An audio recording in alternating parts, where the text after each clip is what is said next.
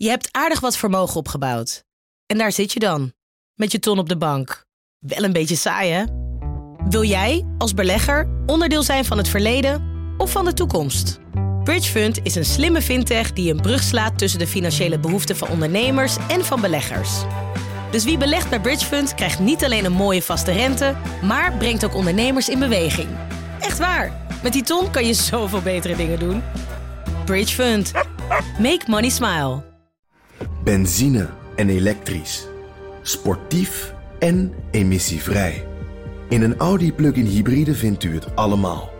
Ervaar de A6, Q5, Q7 en Q8 standaard met quattro vierwielaandrijving. Wat u ook zoekt, u vindt het in een Audi. Audi. Voorsprong door techniek.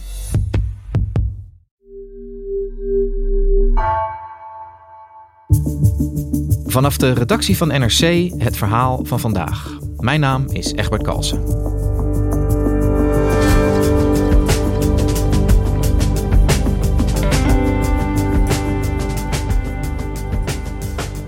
Polen vangt van alle landen de meeste Oekraïense vluchtelingen op. Het land wordt binnen de Europese Unie niet langer gezien als antidemocratische paria, ziet correspondent Emilie van Outeren. Polen is een belangrijke bondgenoot in de oorlog tegen Rusland geworden. Zal het land zijn centrale plaats in Europa behouden?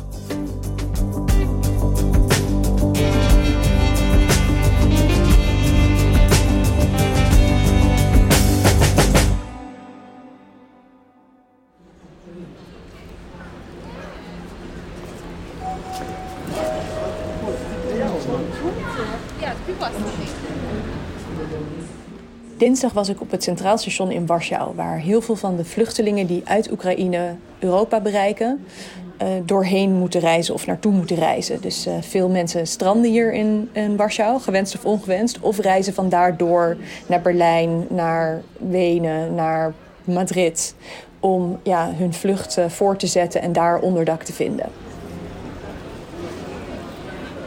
Hier een uh, klein meisje in een uh, blauwe uh, soort skijas en een grote zilveren muts met pompons op.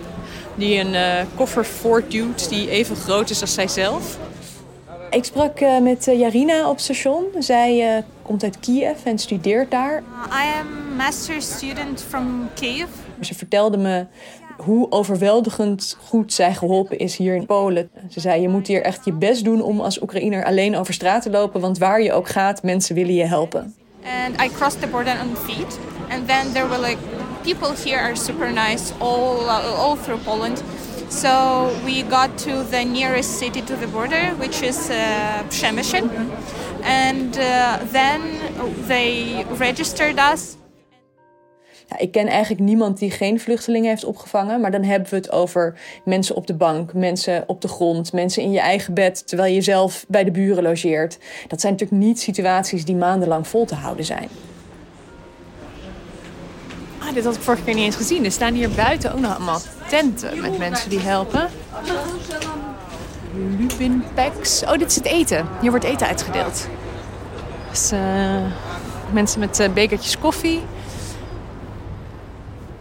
Ja, het totaal aantal vluchtelingen dat inmiddels uit Oekraïne is ontvlucht is uh, bijna 4 miljoen. En meer dan de helft daarvan is naar, of in ieder geval door Polen heen gereisd. Uh, dat heeft het land echt fundamenteel veranderd. Er zijn 40 miljoen Polen, daar komt dus nu 2 miljoen Oekraïners bij. Die zie je overal. Gezinnen met kinderen, koffers, huisdieren, volle bussen en treinen. Maar het land heeft eigenlijk ook een rolverandering in Europa ondergaan daardoor. Polen is de afgelopen jaren binnen de Europese Unie in Brussel vooral als een probleem gezien. Een antidemocratisch, antirechtstatelijke, homofobe, vrouwonvriendelijke paria. En nu is Polen plotseling een heel erg cruciaal onderdeel van de oplossing van een gewapend conflict en een vluchtelingenprobleem. Ja, Emilie, jij was uh, dinsdag wat je vertelde op het station in Warschau. Uh, Polen heeft inmiddels meer dan 2 miljoen Oekraïners opgevangen of door zijn land zien stromen. Hoe gaat Polen om met die vluchtelingen? Nou, ik ben zelf in die vluchtelingenstroom terechtgekomen eerder vanuit Kiev via Lviv naar Polen toen de oorlog net begon. Uh, en toen merkte je dat de eerste mensen die vluchtten, dat waren mensen met een plan. Dus toen was er niet zoveel opvang nodig. Die mensen hadden familie, vrienden, die stonden op het station te wachten en die, die kwamen ze ophalen. Maar daarna kwam echt een gigantische massa vluchtelingen naar Polen die dat niet hadden en die hals over kop vertrokken waren voor geweld, die geen kleding hadden, geen eten, geen onderdak. En toen liep het hier helemaal vast. Je zag dat de regering vrijwel niets deed uh, en dat alles aankwam op particulier initiatief, wat er overweldigend is. En op lokale overheden. Uh, dat, dat die eigenlijk uh, klem kwamen te zitten door de enorme hoeveelheid vluchtelingen die er was, die er is. Ik de mensen zijn niet weg. Het is alleen zo dat er per dag niet meer zoveel bijkomen. Dus dat de acute druk op de grens, op de eerste opvang en op een plek als het Centraal Station hier in Warschau nu minder is. Maar wel in de steden waar veel mensen naartoe gaan daar wordt nu nagedacht over de lange termijn effecten. Dus die, die mensen moeten onderdak hebben, zoveel mogelijk werk hebben of andere ondersteuning, gezondheidszorg, maar ook onderwijs. De helft van de vluchtelingen is kind, is minderjarig en moet hier dus in het onderwijs worden opgenomen.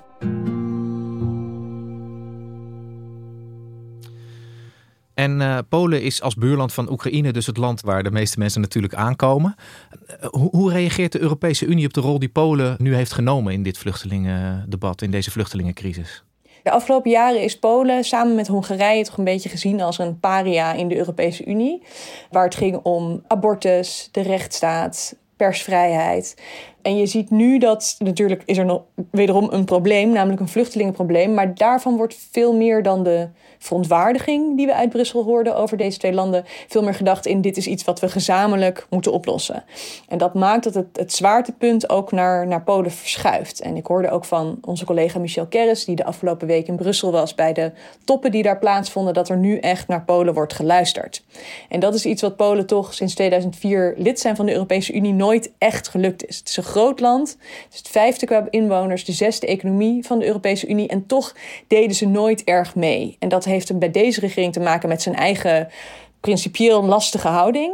Maar dat heeft ook te maken met de rest van de EU, die dit toch een beetje als minderwaardige landen heeft gezien. En nu gedwongen door deze oorlog, ehm, ja, zit Polen echt aan de, aan de eerste tafel, zeg maar. Ja, dus ze zijn eigenlijk van een plichtmatige bondgenoot in een echte bondgenoot veranderd, eh, zou je misschien wel kunnen zeggen. Hoe uitzicht dat? Aan de ene kant, ja, ze zijn een hele belangrijke bondgenoot, ook zeker binnen de NAVO, de militaire transatlantische organisatie, waar ze een belangrijke rol in spelen nu als, als, als frontlinie in deze oorlog. En dat zag je ook heel erg in het feit dat Joe Biden ervoor koos om één Europees land aan te doen naast de top in Brussel. En dat was Polen. Dit is gewoon op dit moment militair gezien in het leveren van wapens, in het beschermen van de oostflank van de NAVO, het allerbelangrijkste land. Polen geeft 2% en wil naar 3% van het bruto binnenlands product. Voor defensie, dat is een eis van de NAVO en daarin is Polen echt een voorbeeldige bondgenoot. Be not afraid. These the first words at the first public address of the first Polish Pope. je zag dat uh, Biden, net als de meeste Polen katholiek, uh, heel expliciet in zijn speech uh, Johannes Paulus II aanhaalde, de enige Poolse paus. Paus die een hele belangrijke rol gespeeld heeft in het einde van het communistisch bewind hier. Let the words of Pope John Paul burn as brightly today. Never, ever give up hope. Never doubt. Never tire. Never become discouraged. Be not afraid. En dat hij dit land echt bedankte. Bedankte voor de steun aan Oekraïners. Bedankte voor het bondgenootschappelijkheid binnen de NAVO. In het verdedigen van de, van de oostflank en het helpen van wapens naar Oekraïne brengen. I was also struck by the generosity of the people of Warsaw. For that matter, all the Polish people. For the depths of their compassion. Their willingness to reach out. Opening their hearts En hij verzekerde de Polen ook dat zij veilig zijn, dat zij binnen de NAVO beschermd zijn. Not even one inch uh, van het NAVO-gebied zouden de Russen maar mogen bedreigen of de NAVO of de Verenigde Staten zullen ingrijpen. En dat is natuurlijk een cruciaal verschil. Sinds 1999 is Polen lid van de NAVO en sinds 2004 ook van de EU. En de Oekraïne staat daar buiten. En je merkt toch aan veel Polen dat ze nadenken van stel dat. Stel dat wij niet bij de NAVO hadden gezeten Meer dan stel dat we niet bij de Europese Unie hadden gezeten. Maar in de Europese Unie gaat dat toch nog wel moeizamer. Daar blijven veel problemen bestaan die er al waren.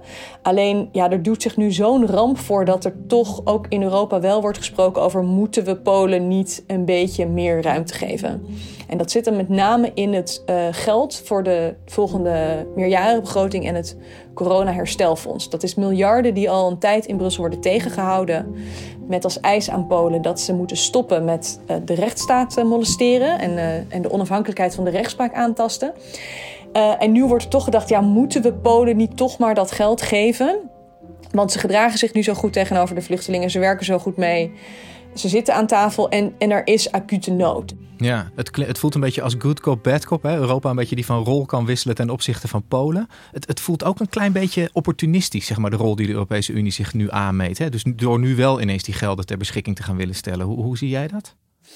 Ik denk dat je, ik, ik wil de rechtsstaat geen voetschimmel noemen, maar je moet het toch een beetje zien alsof Polen heeft een echt een hele hardnekkige voetschimmel en ja, die moet bestreden worden. Maar opeens krijgt het een hartinfarct. Dan kan je niet zeggen, ja, sorry, we zijn even druk met de voetschimmel. Natuurlijk blijft dat heel erg belangrijk, maar daar wordt nu toch wel gedacht van, ja, moeten we niet op de korte termijn Polen financieel een beetje lucht geven? Ja, daar, is, daar is van alles voor te zeggen. Het tegenargument, wat je in het Europees Parlement natuurlijk ook hoort, is ja, maar als we ze nu laten gaan, dan doen ze het helemaal nooit meer. We hebben ze eindelijk, na jaren, echt al sinds 2015 wordt er over gesoebad, hebben we ze financieel klem. Dat moeten we nu niet laten lopen. Dus daar, daar is een discussie in Brussel gaande die ik wel ja, deze of eigenlijk volgende week een uh, beslissing in verwacht. En Emilie, hoe kijkt Polen eigenlijk zelf hiernaar, naar die veranderende band met Europese landen? Nou, het lastige is dat Polen niet, het niet heel bondgenootschappelijk wil aanpakken per se. Omdat de verhoudingen gewoon slecht zijn. En Polen ook eigenlijk dingen veel harder en sneller wil dan veel andere landen. Dus straaljagers sturen of Oekraïne morgen lid maken van de Europese Unie. And the European Union has to give very quickly a candidate status and more than this. Has to invite Ukraine to the European Union. Met dat soort vrij radicale plannen, uh, die voor de bühne hier leuk doen, zorgt ze toch ook nog wel voor ergernis in de Europese Unie. Maar over één onderwerp verschillende meningen. Of Oekraïne kandidaat lid moet worden van de Europese Unie. Bijna alle landen in West-Europa, ik mee spreek, in het westelijk deel van Europa zeggen... je moet nu niet proberen een soort van sneltrein te hebben, een fast track, een versnelde toetredingsprocedure. Polen wil graag dat de Europese Unie zelf verandert en meer aan landen overlaat. Tegelijkertijd wil het wel de volle financiële steun. Ja, en dat kan natuurlijk moeilijk samengaan.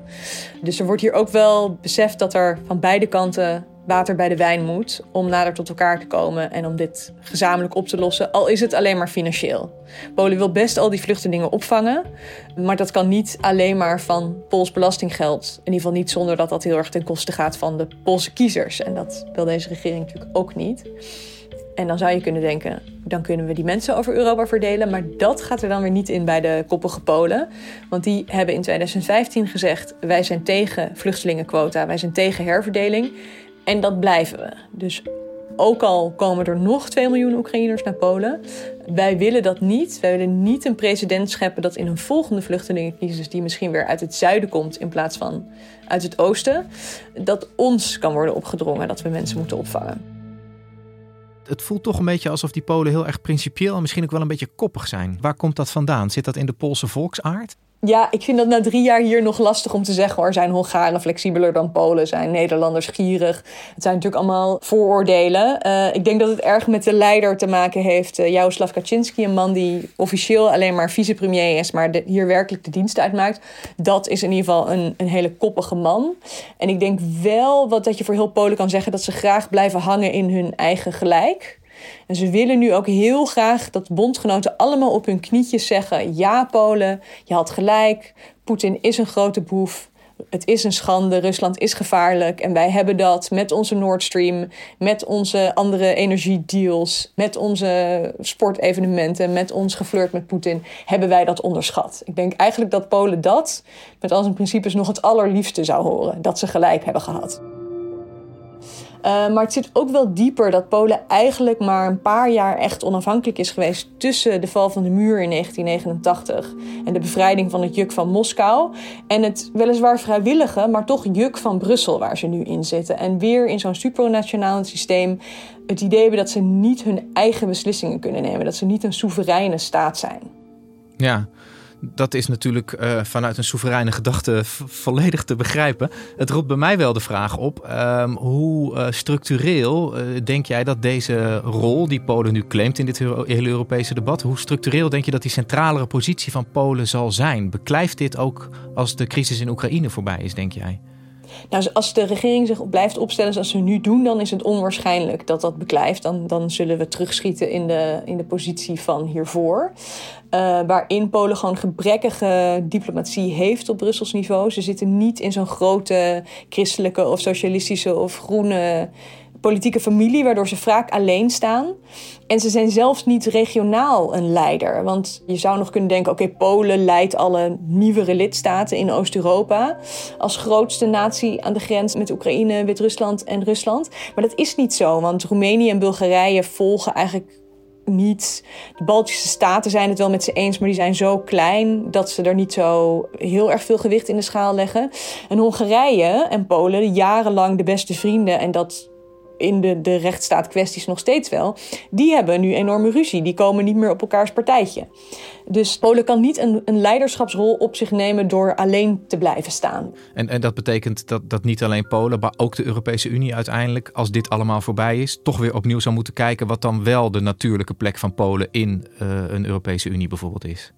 Ja, en het lastige is ook dat je natuurlijk niet weet wat uiteindelijk het lange termijn effect van deze crisis is ik kan in ieder geval op dit moment nu niet inschatten hoe, nou, hoe lang de oorlog in Oekraïne duurt, hoeveel vluchtelingen dat uiteindelijk op de been brengt en ook hoe ver het geweld zich mogelijk nog verspreidt. Dat, dat het onmogelijk is om te zeggen: oh ja, daardoor kan Polen nu de, deze positie bestendigen of juist weer verliezen. Wat je wel kan zeggen is: dit is een kans voor Polen. En tot nu toe benut het die kans niet, want het, het is zo bezig met het eigen gelijk dat, er dat het geen ruimte maakt om echt een bondgenoot te zijn. En in dat bondgenootschap discussie op een positieve manier naar zich toe te trekken. En voor eigen gewin naar zich toe te trekken.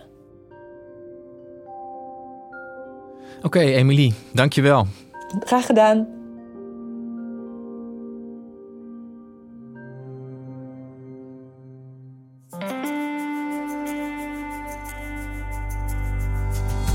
Je luisterde naar vandaag, een podcast van NRC. Eén verhaal, elke dag. Deze aflevering werd gemaakt door Julia Vier en Bas van Win. Dit was vandaag, morgen weer.